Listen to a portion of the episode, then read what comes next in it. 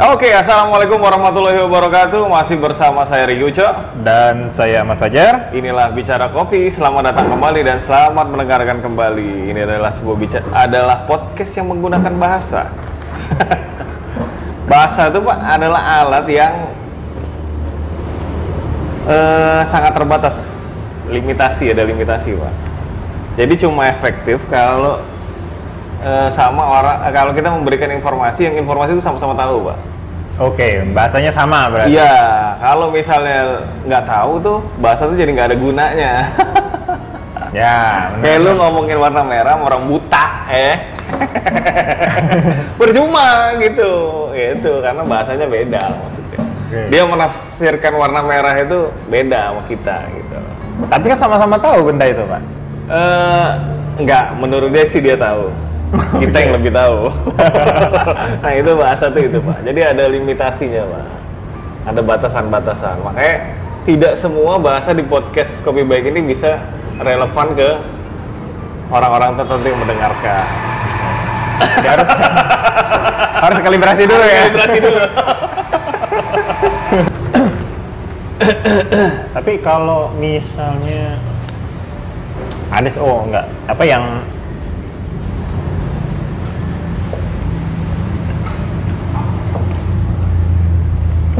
kalau yang lo tanya itu emang itu menarik sih tapi memang ternyata susah ya mencari ini.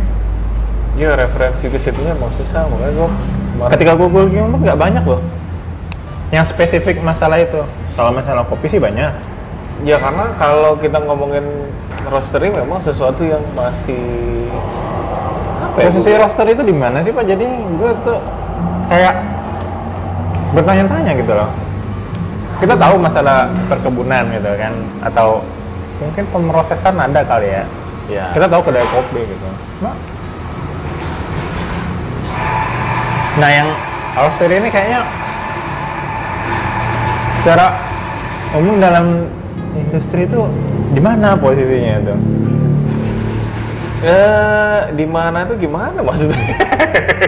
ya karena Kayak- kayak literasi jadi- secara bisnis pun secara lis- ternyata secara ekonomi bisnis literasi literasinya kurang ya, maksud gua kajian-kajian yang mendukung ya, ke sana-sana belum, belum, belum, belum banyak yang ke situ Nah, sebenarnya. kita nggak ngomongin teknis lah ya kalau teknis merosting tuh ya udah banyak lah sekarang Ya cuma posisi dia tuh sebenarnya di mana gitu. Hmm. gue bilang sebenarnya dia dia kayak jembatan kali ya, menurut gue sih. Dia kan menjabatkan di hulu ke hilir tuh roastery pak maksud gue, bukan key grader ya. Maksud gue kopi enak maupun gak enak lo roasting itu tetap akan keluar dari roastery lo ke hilir gitu. Ya. hilir ke konsumen maksud gue. ke konsumen lah ya seperti apa pun konsumennya Siapa pun konsumennya.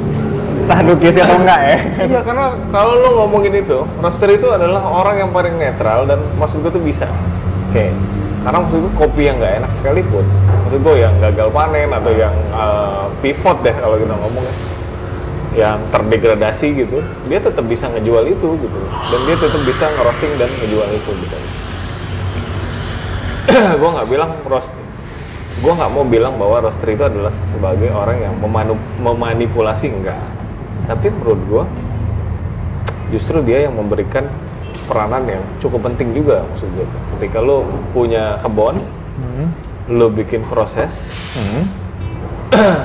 tapi lo nggak mungkin jual raw material itu tanpa ada roastery maksud gue. betul Sekalipun gua gue jualnya ke kedai, iya tapi kan tetap di roasting maksud gue tuh. Iya. Tetap ada jembatan roastery di situ maksud gue. tuh. benar karena ya itu tadi kalau ngomongin uh, roaster memang ketika ya tau ya, kalau makin ke sini kan makin makin gue gue nggak bilang makin samar sih cuman membedah atau membedakan antara kedai kopi dan roaster itu makin sulit karena kayak ma- irisannya makin tebal maksud gue itu Ya, antara roastery sama Kedai kopi gitu. Karena biasa berbarengan gitu. Iya, baik sama sekarang. Gak ada yang bukan gak ada sih maksud gue yang spesialis banget tuh ngerosting tuh udah gak ada lagi. Termasuk lu juga kan sebenarnya dua irisannya tebal banget gitu ya. Walaupun lu memisahkan secara bisnis, tapi sebenarnya Iya. lu satu gitu kan, satu orang ibaratnya kata kayak gitu. Iya ya, satu orang. Walaupun lu bilang identitas bisnisnya beda gitu kan.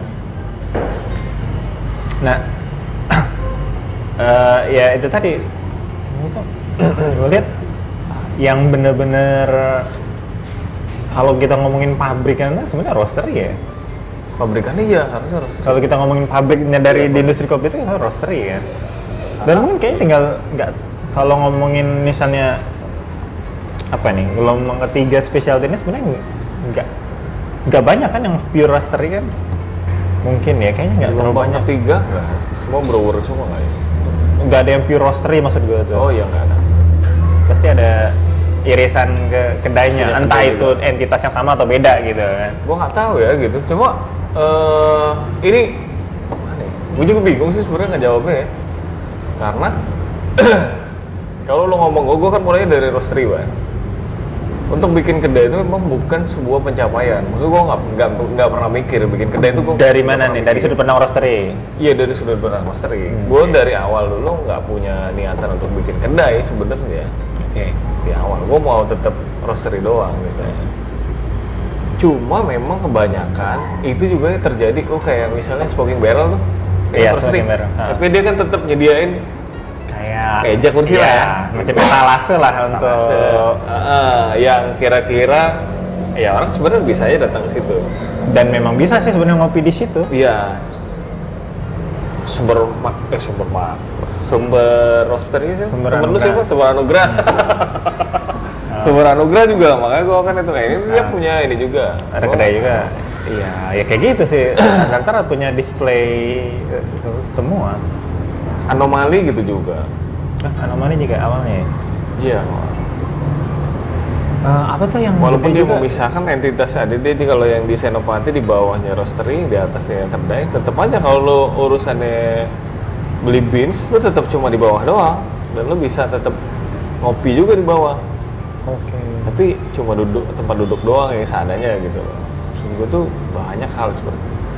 mungkin gue nggak ngerti juga ya gimana ya karena dulu gue merasa bahwa karena gue dulu kerja pak sekalian. Jadi gue nggak merasa ada tuntutan gimana ketika gue bikin roastery mungkin. Oke maksud benar. gue gue nggak perlu nyari duit harian gitu loh nggak perlu. Itu tuh jadi kayak hobi Eh, dan gue seneng gitu. Kalau minta tuh gue seneng maksudnya gue kerjain gitu. Lebih ke situ sih cuma kalau sekarang nah itu juga nggak nggak bingung juga gue jawab. Cuma kalau kita lihat fenomenanya itu tadi gue bilang. Bahkan beberapa roster itu juga memberikan space untuk dia juga berjualan. Jadi kita ngomongnya tetap aja dia sebenarnya punya coffee shop mini coffee shop kali ya. Ya secara nggak ini akhirnya menjadi irisan yang ya mungkin lo bilang dulu lah pas macam studio lah Ya, kalau lo bilang dulu Udah. yang lebih menuntut itu apa ya kalau Gua nggak tahu ya kalau itu. yang lebih menuntut itu gue tuh bayangkan yang lebih menuntut tuh roastery akhirnya punya coffee shop atau coffee shop yang akhirnya merosting sendiri itu Iya kayak yang sama kayak- ya gitu ya. kayak iya karena beberapa kedai kopi misalnya nih kita bilang baru lah ya atau gue taunya baru Kalau itu gue punya jawaban. Sel- selalu ada jawaban kayak dia sudah kayak punya iya dalam proyek atau dalam posisi ah nanti mau ngerosting sendiri gitu loh. Memang sudah ada bayang itu, nggak ada yang bukan nggak ada sih maksudnya beberapa itu ya nggak yang pure banget. Enggak, kita memang cuma kedai doang, gitu, jualan doang gitu. Tetap ada ya kita jualan dulu tapi pengen sudah ada planning, keinginan, cita-cita gitu. Tuh ngerosting sendiri gitu. Kalau itu sih gue bisa jawab. Kita udah pernah bahas sih sebenarnya. Gue tuh pernah nanya juga kenapa lu kedai tapi lu punya roastery. Alasannya satu, dia bilang masalah supply dia bilang. Oke. Supply terus tuh begitu dia punya ilmunya dia ngomongin tentang rasa gitu loh. Ke situ supply. Padahal sebenarnya kalau itu tadi itu pernah pernah dibahas di podcast kita di nomor berapa gitu ya. Ya, lama banget ya.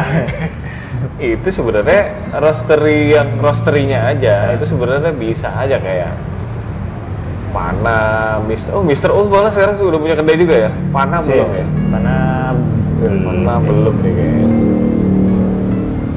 Terus ya yang gitu-gitu sebenarnya dia bisa bisa mensuplai lu tergantung lu mampu bayar apa enggak gitu kan.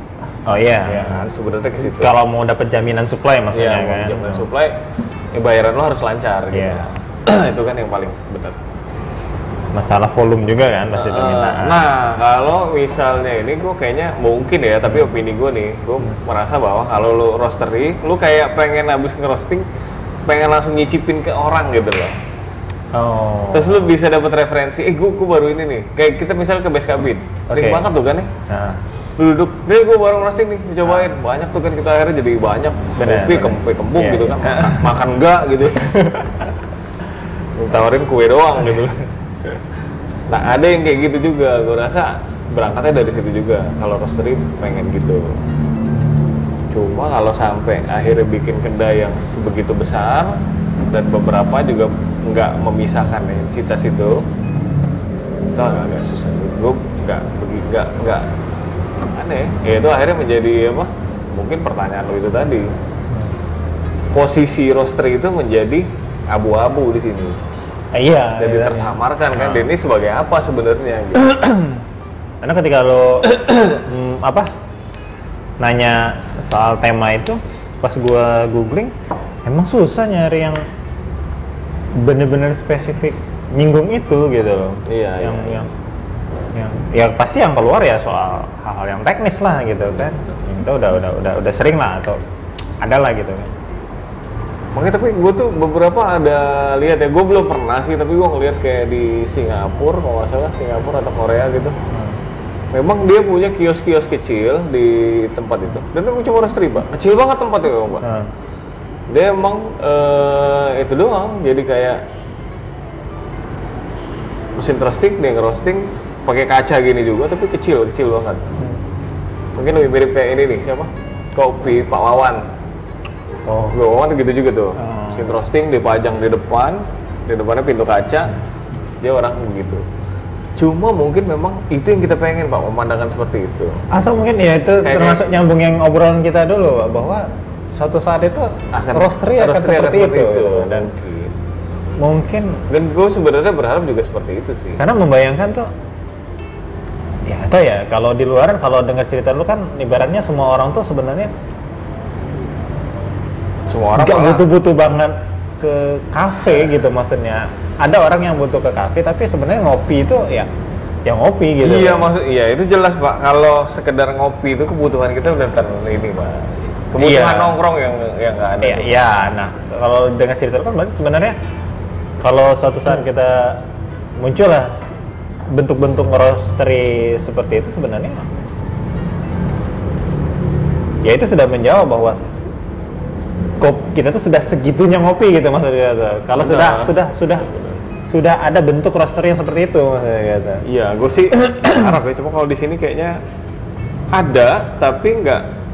Kalau sekarang kan baru tercukupi itu kebutuhan orang untuk ngopinya dalam tanda kutip Iya. nongkrongnya kan. Karena sekarang memang hampir di setiap jengkal itu ada sih benar-benar udah. Secara literal tuh memang benar-benar ada. lah. Kita nggak susah lagi tuh nyari tempat ngopi. Bener, tapi untuk itu ya sebentar sih. Buat Jadi ngopi kayak ya, ini ya. ya apa namanya? Mini pabrik gitu ya. Kalau dulu kan orang nggak bisa kalau ke roastery kan, karena bentuknya pabrik yang Iya besar. gede banget mungkin gede. kan itu loh. Memang lu tetap sebenarnya ada beberapa yang bisa kayak kopi roda tuh bisa kayak aroma, nah, itu kan lu bisa emang datang kayak gitu. Ya. Itu kan bentuk cuma kan nggak dia nggak segede itu ya. I- iya, cuma kan tetap aja kita butuh. Nah, kalau dengar cerita-cerita tuh walaupun dia nggak terlalu besar, tapi kalau udah roster itu lumayan mengganggu ya. Maksudnya itu lumayan menarik perhatian lah, Pak. Iya, benar. Entah itu dari asapnya gitu kan, Baunya. baunya lagi kan, belum. Ya dua itu yang utama kan. Hmm. Dia tuh kan gue taunya ya kayak kopi pawawan lah. Kopi pawawan tuh kan di planet lain kan itu kan di Bekasi kan. Tempat itu gitu. ya setahu gue tuh di situ si Ron itu dia naruh tempatnya di situ. Itu juga di pemukiman warga pak. Pas Ya. awal-awal itu nanya sama Wahyu, warga itu emang eh, bingung itu tempat apaan gitu. Karena Iya. dia benar-benar mesin roasting itu dipepetin di pintu kaca, eh di pintu kaca, di kaca gitu, jadi Nah. kelihatan dari luar. Oke. Ini kegiatan apa apa segala macam. Mau bilang coffee shop dia ternyata bukan coffee shop, Iya. biar memang itu. Cuma gue nggak tahu sekarang apakah dia eh, punya chemistry untuk orang-orang sana tuh sekarang bukan beli kopi bubuk di warung, tapi beli di kopi Pawawan misalnya. Karena Oke. dia di sebenarnya dia di pemukiman lebih cepet harusnya gitu kan. Kopi bubuk Iya, jual per ya, 100 gram dan lain-lain Iya. gitu. Kayak gue di tempat Pak Hadi misalnya. Oh Pak Hadi tuh itu juga menurut gua adalah roastery yang memberikan space kalau lu nggak bisa pesan apa apa pak kecuali kopi tubruk pak Oh iya. Iya. Oh. Semua kopi tubruk, gula pun disembunyiin. Kalau lu nggak minta, ya nggak bakal ada. Oh gitu. Yang ada kalau kita minta, ya udah mulai lah mulutnya ya. Aduh, Pak Hadi nyanyi banget itu. Belum pernah ke belum. sana ya? Belum, belum sempet gua ngajak ke situ. Dia banyak ngata-ngatain kalau ngomong gitu kan.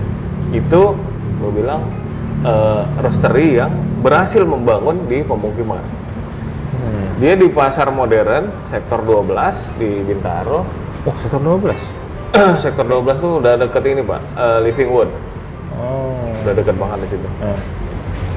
Belakang, di belakang ya bagian belakang. Hmm. Itu di situ dia eh, mesin roasting 5 kilo Proko, toples yang banyak jenisnya, dan semua orang itu udah mulai banyak yang ya pasti belinya ke situ pak. Padahal itu pasar modern pak. Kalau di pasar modern itu setahu gua itu di dalam itu di ruko pinggir-pinggir. Kalau Iya. di bagian tengahnya tuh ada yang jual kopi bubuk.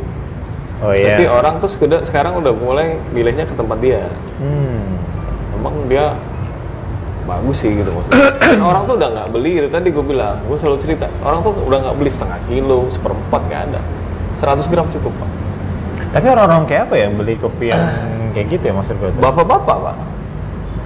Soalnya selain anak yang datang situ, gue juga sering datang orang yang beli itu, yang orang situ, Ah. itu juga ngopi di situ. Bapak-bapak pak. Yang sederhana, gue nggak ngelihat dia gimana-gimana ya. Ah, sama satu langganan dia pak dokter yang memang punya praktek di ruko itu juga Oke. di deket-deket situ lah Ah. itu jelas jadi dia begitu masuk ini dia cuma teriak doang di apa, dari mobil Iya. terus dia ke tempat praktek kopinya ntar dianterin ke sono atau dia ntar balik dia udah ada bungkusan dia pak kalau balik dia udah ada bungkusan jadi dia balik ngambil bungkusan doang artinya orang udah segitunya minum kopi di Hmm. areanya Pak Hadi ya Iya. orang segitunya ngopi dari bentuk biji kalaupun dia nggak punya grinder bisa bubuk. bisa bubuk tapi nggak banyak dan dia tuh benar Baru digiling di situ. baru digiling dan dia benar-benar maksa Pak. Maksa maksudnya? Bahwa lu nggak usah beli banyak-banyak. Gua nggak pindah dia bilang kayak gitu, Oh, gitu. dia penekanannya gitu. Lu tinggal beli lagi aja di sini. Makanya harga dia tuh sebenarnya mahal pak jatuhnya. Tapi sama dia tuh dipecah. Jadi lu boleh beli 100 gram. Yang harganya cuma 8.000 zaman dulu sih kalau nggak salah 8 ribuan ya. 10 ribu 8 ribu Oh, iya. oh waktu itu. Ya kalau kalau dihitungin jadi satu kilo tetap 200-an, Iya. tetap 140 ribu kayak gitu, tetap Iya. 180, ada harga gitu. Cuma sama dia dipecah sampai lo mau beli 20 gram pun gua kasih. Itu Oke. gitu pak. Tubruk aja sama dia gampang pak. Lo mau pakai berapa? Pakai 10 gram, lo pakai 20 gram. Mau ala Starbucks, eh, sering banget mainan gue gitu. Apalagi kalau lu tahu ya, tahu lu ya. mau main mau ala Starbucks kata itu serah lo pakai berapa dia bilang gitu cuma maksud gua dia salah satu yang berhasil gua nggak tahu kalau di kopi Pawawan atau misalnya smoking barrel yang notabene sebenarnya di radio dalam dia juga di perumahan ya cuma kan itu perumahan di radio dalam ya Be- agak beda ya. agak beda kali cuma mungkin Pak kalau mungkin Pak Hadi dia berada di kawasan netral menurut gue ya Hmm. pasar Pasar. sehingga orang bisa aja ke situ. Cuma kalau lu lihat kayak dia sore-sore begini, dia kan tutup habis maghrib ya. Hmm. Sore-sore begini, nggak begitu banyak juga yang duduk-duduk di situ. Oke. Maksud gua bapak-bapak tuh nggak nyari judul banget, iya. nongkrong Oh, gitu iya. loh. Dia kadang kalau nggak sempet ya anaknya yang disuruh atau istrinya yang disuruh ngambil kopi di situ. Oke. Berarti tetap sebenarnya kalau ngomongin ya jual ya jual aja gitu. Maksudnya dia jual. ada orang yang beli gitu. Nah, kebanyakan malah ya kita kita, gua kita kita yang dari jauh datang ke situ nongkrong gitu. Cuma kalau kita liatin yang lain kayaknya enggak. Sama kayak kita kalau di ini deh eh, dapur kopi Bu Iya. Kris nah dia juga modelnya sama pak dia cuma bisa nyediain tubruk pak karena dia basicnya adalah roastery pak Oke. nah itu juga model gitu dan dia lagi-lagi di pasar Rasa santai ya? pasar Santa lu nggak bener-bener dia cuma duduk nongkrongin situ makanya kalau lu mikir ke situ dia duitnya di mana gitu? Jam 3 dia udah tutup pak. Iya. Dia bukan dari pagi jam 3 udah tutup. Dia kalau kira-kira dia jualan bener-bener jualan kopi Eh, gelas dalam Nah. gelas duitnya kira-kira dari mana? Tapi kan bukan itu yang dia jual Betul. dia bener-bener roastery yang ada di pasar dan dia menyentuh untuk ke situ ya kalau mau disambung-sambungin lagi-lagi pemahaman soal bisnis pak ya. Iya, iya. Jangan itu dong, Jangan kita intelektualitas jadi jongkok. Ya. Tapi itu sih ke situ. Maksud gue tuh memang eh, pentasbihan mereka dalam membuat usaha memang sudah sangat jelas. Iya, dan kalau itu tadi gue gue teringat itu karena sekarang apa ya? Eh gue tergelitik sih kalau ba- baca sebenarnya sekarang tuh orang udah nggak peduli apa ya dalam perspektif kedai kopi banyak, tapi sebenarnya orang juga nggak nggak segitunya peduli soal Dia lo ngerosting sendiri atau enggak, beans dari mana? Iya gitu. Yang penting ya karena toh yang dipesan itu, itu juga kali ya kan yang yang jojo dari Ah, es dan- kopi susu. Satu lagi pak, itu tadi orang tuh nyari oleh-oleh udah jelas sekarang ke coffee shop pak, yang ada roasterynya. Nah itu tadi balik ke situ bener. Makanya orang pasti tiba-tiba orang datang ke sini gitu ya. Hah? Eh, karena gue memisahkan entitas coffee shop sama roastery, Roastery. gue kan nggak jual beans pak di sini pak. Betul. ha. Karena gue merasa bahwa ini coffee shop gue. Hmm. Kalau roastery itu lu pembicaraannya beda gitu loh. Oke, maksudnya. ha. Lo bisa mesen, iya atau apa gue buatin gitu Iya. loh. Cuma kalau lo nyari di kedai, nggak ada. Lo harus minum bentuknya dalam produk minuman maksud gue. Dan lo juga nggak jual beans sebagai sebuah retail kan? Betul. Nah, makanya banyak yang seperti itu juga. Akhirnya pasti orang datang ke sini berapa tuh zaman dulu tapi Iya. dia ngomongin beans. Eh nanyain beans, gue bilang gua nggak jual. Kalau lu jual beans, gue bilang ada di eh, salah satu gue bilang West Cabin terus lu kopi lokal belum deh, gue belum nyebutin namanya belum. Ya beberapa gue sebutin tuh pokoknya kopi pil dan lain-lain tuh malah gue sebutin juga zaman dulu. Nah itu memang mereka berjualan karena itu tadi irisannya dia sangat tipis banget antara roastery sama coffee shop jatuhnya. Iya benar. Tapi emang itu juga menarik kan kalau misalnya ngomongin orang ke Palembang juga menjadikan beans, coffee beans itu sebagai oleh-oleh lah ya gitu ngomong kayak gitu. Iya benar. Soalnya kalau dulu mungkin masih konsumsi kita aja gitu loh. Belum lagi yang eh ya kita aja masih pakai dari luar ibaratnya kan gitu dulu. Awal-awal dulu kan masih banyak apalagi kalau ngomongin kopi filter ya. Iya. Ternyata masih dari dari dari luar. Tapi Wala- kok walaupun sebenarnya kalau kopi bubuk mau udah kencang banget sih dulu. Dari Iya, pabrik dari brand pabrikan-pabrikan gede maksudnya. karena kan ada sebuah program yang ini apa? Gue lupa apa sih kopi Nusantara ya atau apa gitu. Dia yang dulu gue pernah dengar dia podcast di mana gitu dia memang memberikan eh, kopi-kopi yang layak oh bukan kopi-kopi yang layak kopi-kopi yang specialty atau kekinian gitu. Pokoknya kopi bubuk yang Nah. sekarang yang di roasting Nah, anak muda zaman sekarang itu ke warung-warung kopi pak. Yang jual-jual tuh Oh, iya? gitu. Dia menjual dengan harga yang sama. Maksudnya belinya dengan sama? lu belinya berapa? Seperempat Oh, oke. Eh, demi untuk supaya orang-orang itu merasakan eh, menetralisir dia ngopi dengan beans yang benar gitu. Bukan kopi jagung lagi bukan kopi arang Oke. lagi bukan bukan kopi. Cuma gua nggak tahu itu berhasil atau enggak. Kalau kita mau ngomongin eh, bagaimana cara kita me, apa?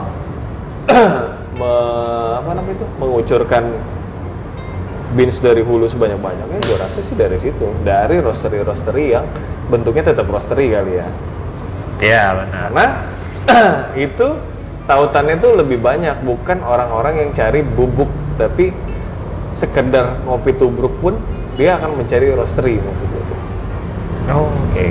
Iya nggak sih? Kan gue gue ngerasain soalnya ketika gue di pasar Santa tempat Bukris tuh kayak gitu modelnya.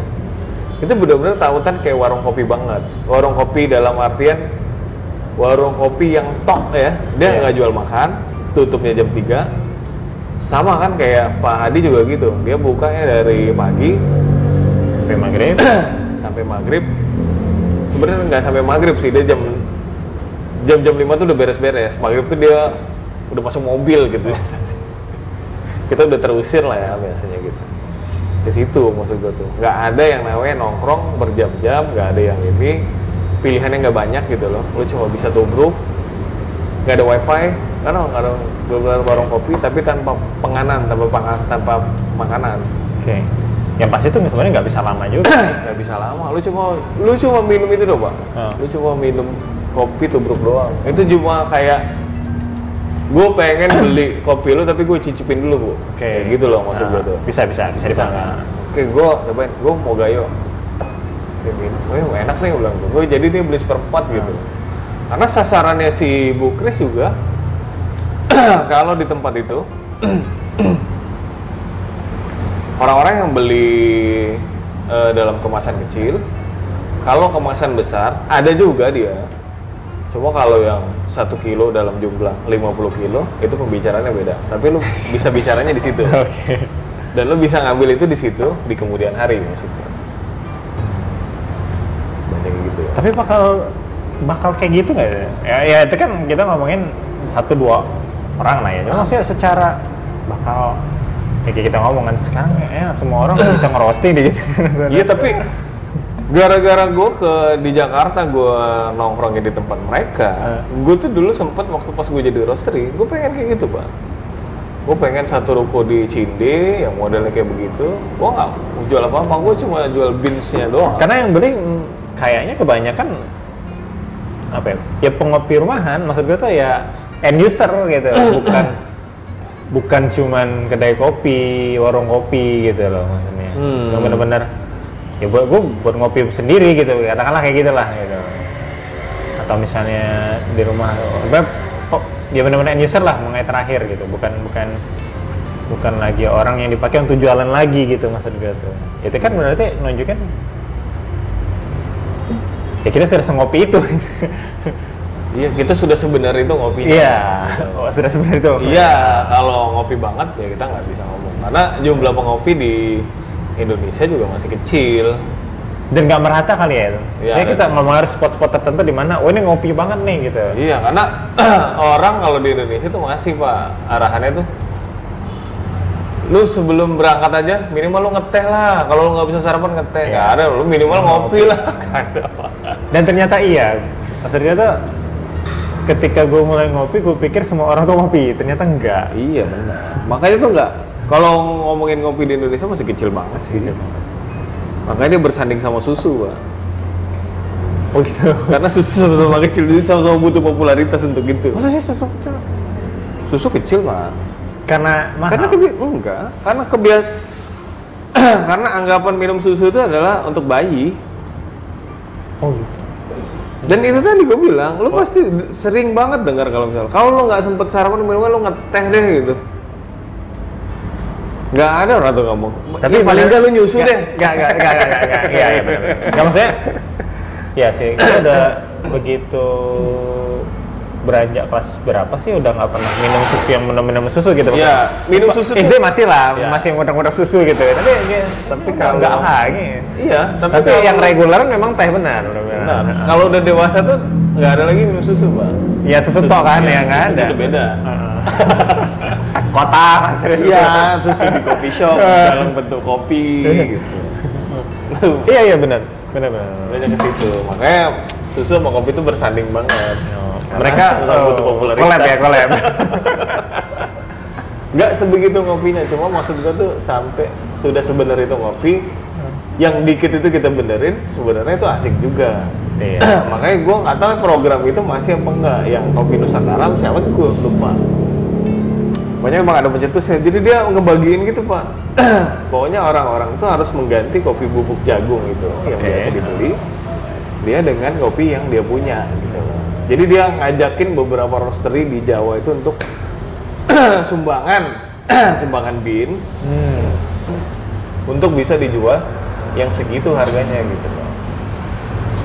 Seru ya, berarti yang kita ngomongin itu cuman kopi ya? Kita nggak ngomong kopi grade, kopi segala macam, Nggak enggak yang penting kopi, aja Kopi tapi aja, tapi nggak yang dicampur bukan dicampur yang 100% Ah, biji kopi dan di roastery di roasting dengan teknik yang cukup benar ya. Oke. Gua nggak nggak bisa bilang benar karena kan nggak tahu gitu. Ya, program itu seperti apa.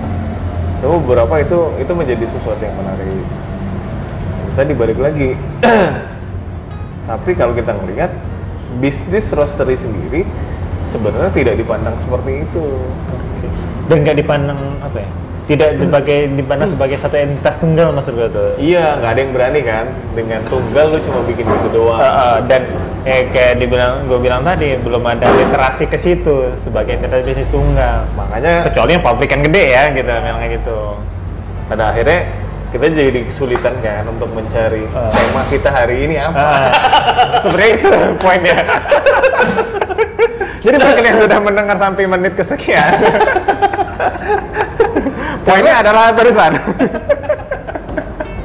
Karena bukan apa pak, karena karena itu menjadi abu-abu, kita juga sulit membuat itu eh, apa menjadi mengkomentari lah ibaratnya Iya. tentang kerjaan mereka itu sebenarnya ada beberapa poin-poin yang memang harus kita garis bawahi seperti kata abang yang satu itu Ah. garis bawah Karena selama ini yang kita eh, mungkin kita bisa komentarkan hal-hal teknis keilmuan lah kalau lo iya bilang. padahal ada yang lebih menarik lagi dari sekedar Betul. itu gitu loh yang itu bicara kopi banget gitu loh maksudnya Iya. kalau ngomongin yang hal lain selain tentang technical di roastery, itu, itu, gitu loh. benar. Karena gue tuh beberapa roastery yang pernah gue dapet beberapa itu itu yang benar-benar eh, punya eh, amdal yang cukup jelek menurut gue tuh. Analisis dampak lingkungannya. Dan gue membayangkan ini ba- mas masih asing buat semua orang termasuk otoritas kalau menurut gue ya. iya. Sehingga ya itu tadi dengan kekurangan literasi ini dengan pemahaman ya karena kurang literasi jadi kurang pemahaman ujungnya pasti ujungnya gue khawatirnya bakal salah paham gagal Benar, paham. Iya. bakal ada sesuatu lah gitu loh. Gue membayangkan itu. Karena apa?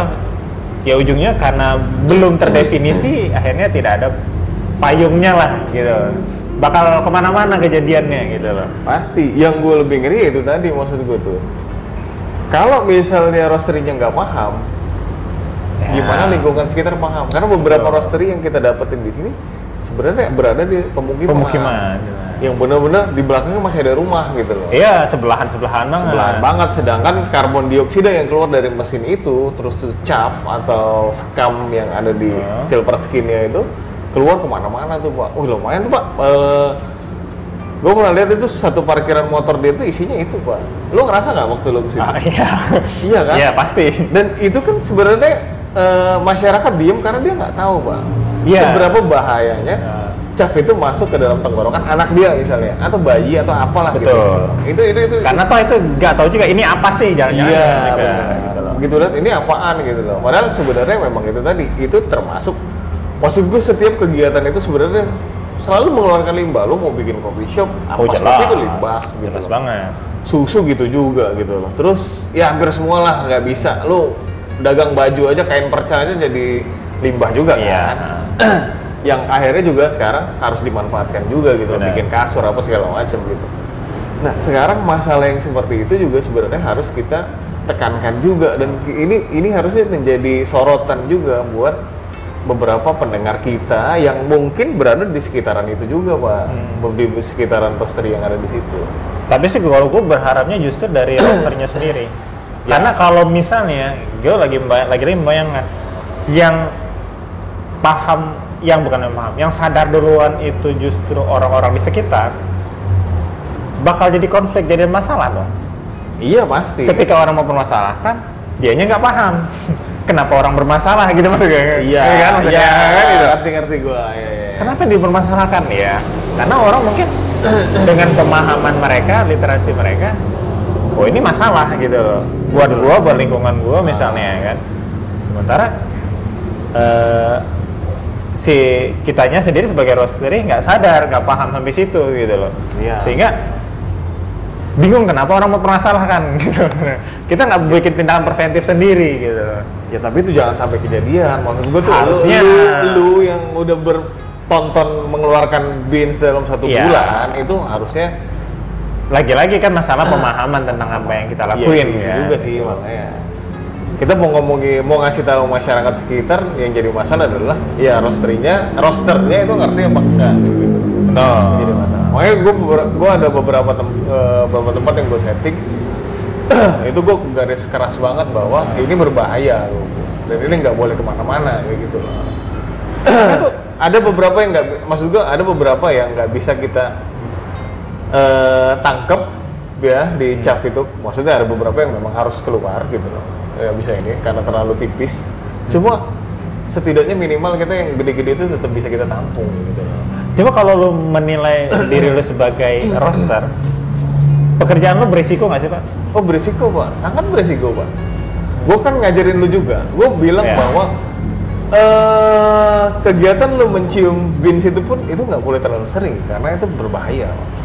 Itu ada zat asap zat Cium buang. ya, kayak gitu. Iya, lu cium-cium buang. itu nggak- boleh sesering itu pak. Sebenarnya lu nggak perlu gitu. Lu udah kecium sih sebenarnya. Iya. Untuk samar-samar yang dari itu kan bukan airtight ya, bukan kedap Iya, udara maksud gua tuh. Jadi lu pasti bisa nge- Cium aja. itu gitu loh. Cium dari luar tuh tanpa lo harus endus-endus juga nggak perlu gitu. Nah, Itu sih satu. Itu beresiko banget. Resikonya tuh bukan cuma ke kita. Tapi maksud gua orang di sekitar kita juga, Ya. tetangga terutama Iya. gitu loh. artinya kalau maksudnya maksud gue tuh ketika lu atau gue misalnya, gue mau terjun di industri ini, ya ibaratnya gue harus sadar eh, risk manajemennya lah, manajemen resikonya Oh, iya, bahwa iya, iya. kalau gue lama kerja di sini, gue bakal gini nih misalnya gitu Iya, lah. resikonya gitu ya ibaratnya kalau ya lu di jalan resiko kecelakaan saya tabrakan Hmm. kalau lu ngerosting resikonya apa aja nih gitu kan Makanya kan eh lu ngambil paket murah ya murah. agak kurang ya Agak kurang lah. Pokoknya gue kalau ngajar bener, gue tuh ngasih ini apa tuh eh, K3 pak buat mereka. Bahwa lo harus pakai ka- pakai eh, headset lo harus oh pakai iya benar kacamata gitu loh. headset itu sebenarnya perlu apa namanya peredam suara tuh Peredam sama mata kacamata Google juga perlu pak, karena itu bisa aja suatu waktu beans yang lo meletek itu Iya, benar, nembak. benar. gitu. Kebayang sih. Karena itu kejadian beberapa di waktu gua ngajar di Lakasa itu pernah. Waktu sama Kainal juga ada yang pernah. Kainal tuh bener-bener hampir kena mata di sini pelipis. oh, oke Padahal untung dia pakai kacamata kan iya masalahnya. Jadi maksud gue tuh itu memang sangat perlu gitu. Lo harus pakai sepatu, lo harus nge- ngelihat di sekitar lo ada genangan air nggak sebelum lo nyolokin mesin itu. Belum operasional gitu. belum lagi kalau misalnya ngebayangin itu roster mesin ada di satu ruangan di mana ada banyak orang di situ Ada banyak kru, barang. banyak orang dan barang yang tidak berkaitan langsung maksudnya lu roastery sendiri eh roster sendirian tapi ada partner lu yang ngerjain yang lain lah atau lu bikin studio atau kedai di situ yang berarti lo ada baristanya katakanlah yang Oh lebih yang parah. beresiko lah bahasanya Lebih parah ada ada ada pelanggan pak itu yang lebih parah. oh iya Lu lu crossing ada pihak lain ya kan Iya. pihak ketiga lah ya gitu Apalagi bilang. lu nggak pakai knalpot di dalam ruangan itu. Karena ada roastery yang kayak gitu. knalpot Ya pembuangan itu dia Oh, di dalam situ gitu loh. iya buang situ ya muter situ Ya, itu lebih berbahaya lagi maksud gue. Apalagi ya lu punya ruangan berasi ya di sini. Paham untuk itu aja. Maksud gue tuh eh ya itu tadi gue bilang. Lu boleh belajar secara teknikal di mana pun lu belajar. Tapi maksud gue tuh bisa nggak lu belajar yang materinya kira-kira ada K3-nya juga gitu loh. Nah, iya. Pasca roastery Benar, gitu benar, loh. benar. Karena apa kalian tuh eh Ya karena kalau jual kan. iya, Nah, itu lah. karena ketika kita ngomong kemarin kompetensi barista, barista ada ketiganya maksud Ada. gua, gitu kan. Nah, roster ini seperti apa nih gitu. Balik lagi masalah entitasnya. Nah, tapi mungkin menarik kalau misalnya ada yang mendengar kita sampai ke menit sekian ini yang mungkin punya literasi atau pernah ngebaca kayaknya asik juga kalau misalnya mereka share gitu. Ya kalau kalau di SCA, SCA, Ini ya, oke. CKI dan SCA, dia punya pak K3 untuk eh, roastery. Kok ketiganya? Ketiganya, maksudnya kalau lu sebelum ini lu harus pakai apa safety-nya, safety first-nya itu ada. Itu karena materi itu juga gua ngambil dari eh, SCA karena dia ngasih.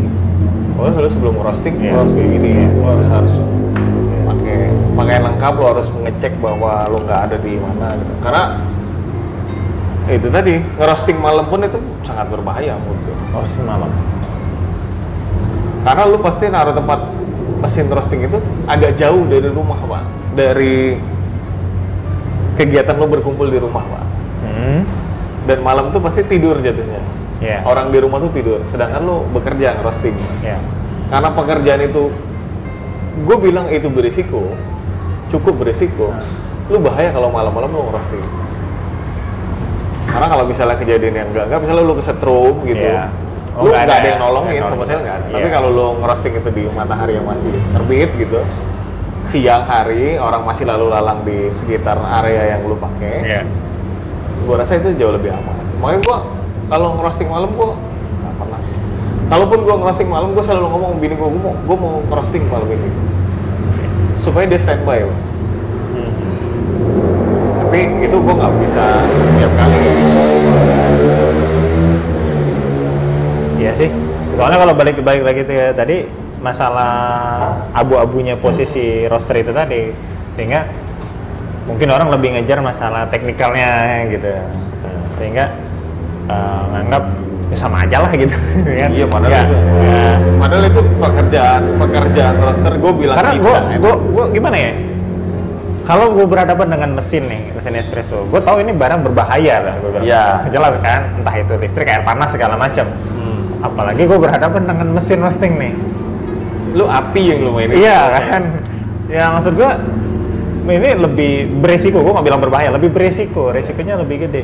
De, selama gue lihat gue sih oke, tapi ketika gue kemarin main lah ya, mainin mainin mesin, gue langsung sadar, oh ini resikonya lebih gede nih daripada selalu sekedar main mesin kopi gitu. Iya. Jadi sampai bener-bener ya kayak lo bilang masalah shaft segala macam yang gampang kebakar, gue pikir, wah ini harusnya ini yang pertama dipelajarin menurut gue Hmm. ketimbang gimana sih cara ngerosting gitu maksudnya. sebelum itu kan jangan sampai sebelum lu ngerosting udah kejadian macam-macam gitu Soalnya gue pertama kali belajar itu, gue belajar anatomi mesin roasting, Pak. Tujuannya bukan karena biar gue tahu ini apa ini apa bukan. Ah.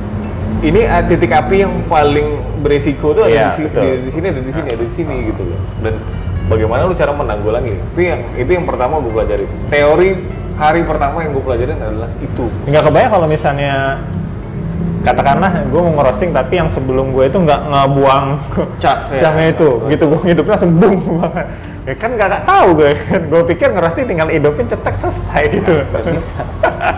Makanya apa namanya itu, gue tuh selalu eh gue udah ngasih tahu ya maksud itu memang ngerosting ini akhirnya kalau sama gue gue ngajarin. Jadi bentuknya kayak SOP pak. Lo harus kayak membentuk kebiasaan setelah ngerosting cabut tempat cap lu lihat Hmm. harus lu cek lah itu ada apa enggak.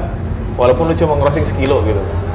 Karena gue merasa bahwa eh itu berbahaya. Karena gue base base pengalaman gitu ya. Nah gue ngajarin itu karena gue berpengalaman seperti itu. Hmm. Gue walaupun bukan orang lain yang eh bukan gue yang merasakan tapi orang lain gitu loh. Gue karena gue orang roastery, gue dapet cerita yang mengerikan itu cukup banyak gitu loh. Maksud gue tuh ya ya, ya. dia ngerosting mati malam gitu karena kesetrum, karena lu nggak bisa apa karena ada genangan air di bawah. Terus tuh chaff itu bisa ngebakar. Kalau lu nggak bisa me ini menanggulangi kebakaran di mesin roasting tepatnya ada di mana lo nggak tahu itu kan juga berbahaya. Iya. Karena gue aja di rumah tuh punya tabung yang kecil tuh pak. Tabung kecil buat di apa? mobil. Oh. Buat- tabung ini. apa sih? Ya itu. Ya inilah apa buat api juga. Iya. apar juga cuma yang Apa, kecil. nah. yang gede di sini. Makanya gue ngerasa bahwa kalaupun nantinya eh, mesin gede gue datang gue kayaknya mesti punya apar juga yang gue. Karena itu resikonya gede.